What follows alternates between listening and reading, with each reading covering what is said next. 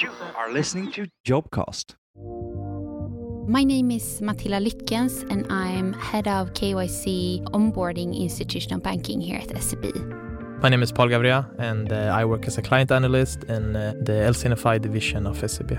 So I enjoy spending time with my family and friends, as I guess most people do, but I enjoy that. And besides from from that, I try to find time to work out. I, I love running and doing Megaformer, which is a form of Pilates, trying to get strong. Outside the work, I have a big interest, of course, the normal being with friends and family and trying to stay healthy, going to the gym and all of that. But other than that, I love cooking and I love food, and that's a big interest from my side.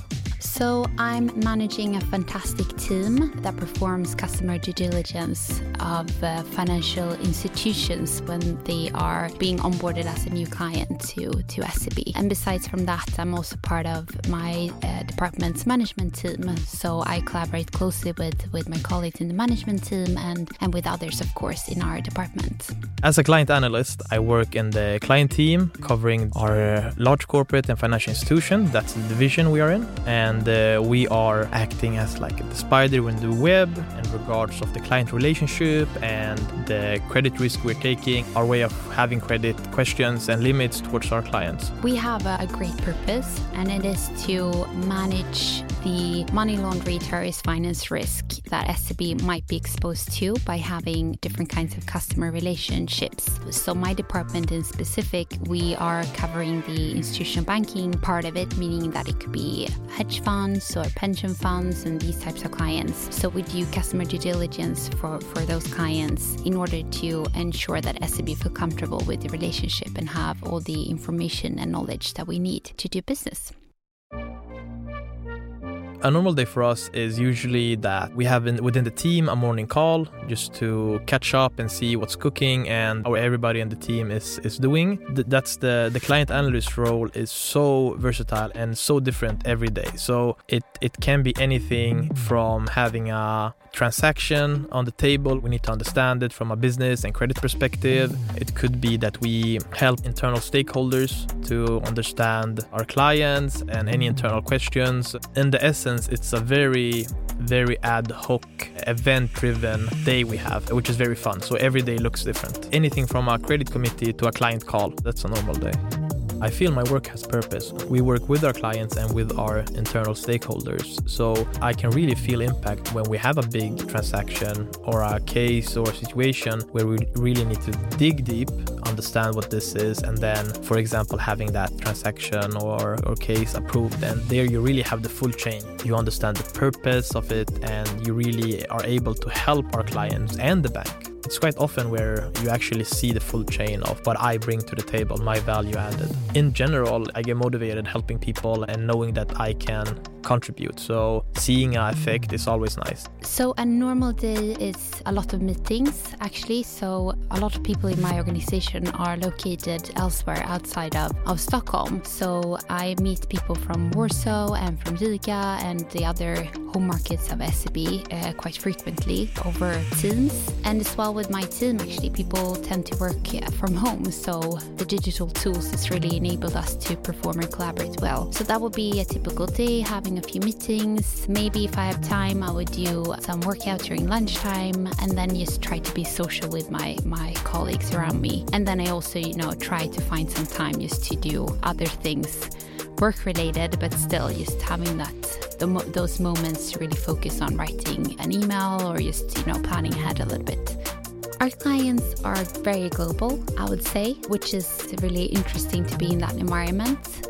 So, of course, there's um, a majority of them are within the Scandinavian countries, but our customers are global as well. So, even though they might be located mostly in the Scandinavian countries, there's still a lot of international atmosphere to it.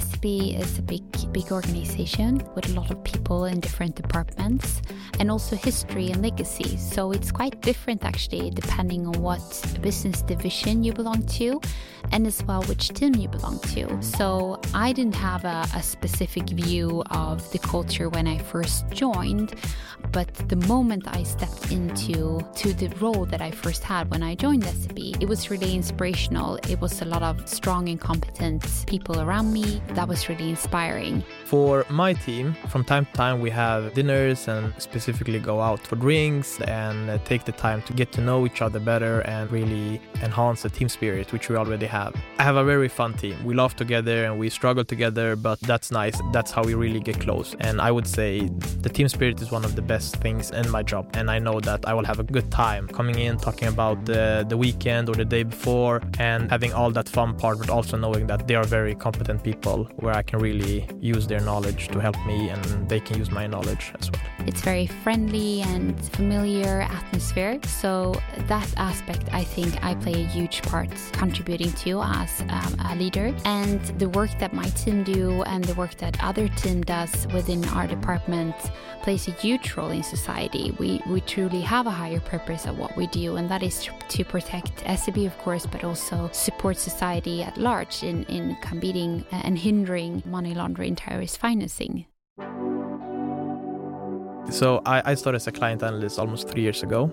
And during that time, I had the opportunity to do quite a lot of different projects and the focus on developing knowledge in the financial area in general, but also I've had a lot of time to focus on areas which I think is more fun, to specialize in, in such areas. And, and so, in addition to that, we quite often have smaller projects and initiatives that we, we can use in order to, to drive our day to day work and to, to be more efficient. When I started as a client analyst, I already had a big interest in finance and business and, and all of that. But, I realized that maybe I overexaggerated what I think I knew. Uh, there is this effect where the less you know, the more you think you know. And I really think that that curve, I, I felt that curve after a few months in where I realized I know nothing. I mean, it's so complex. We work with so complex financial products and everything is so interconnected. And we work so close with key areas in the bank.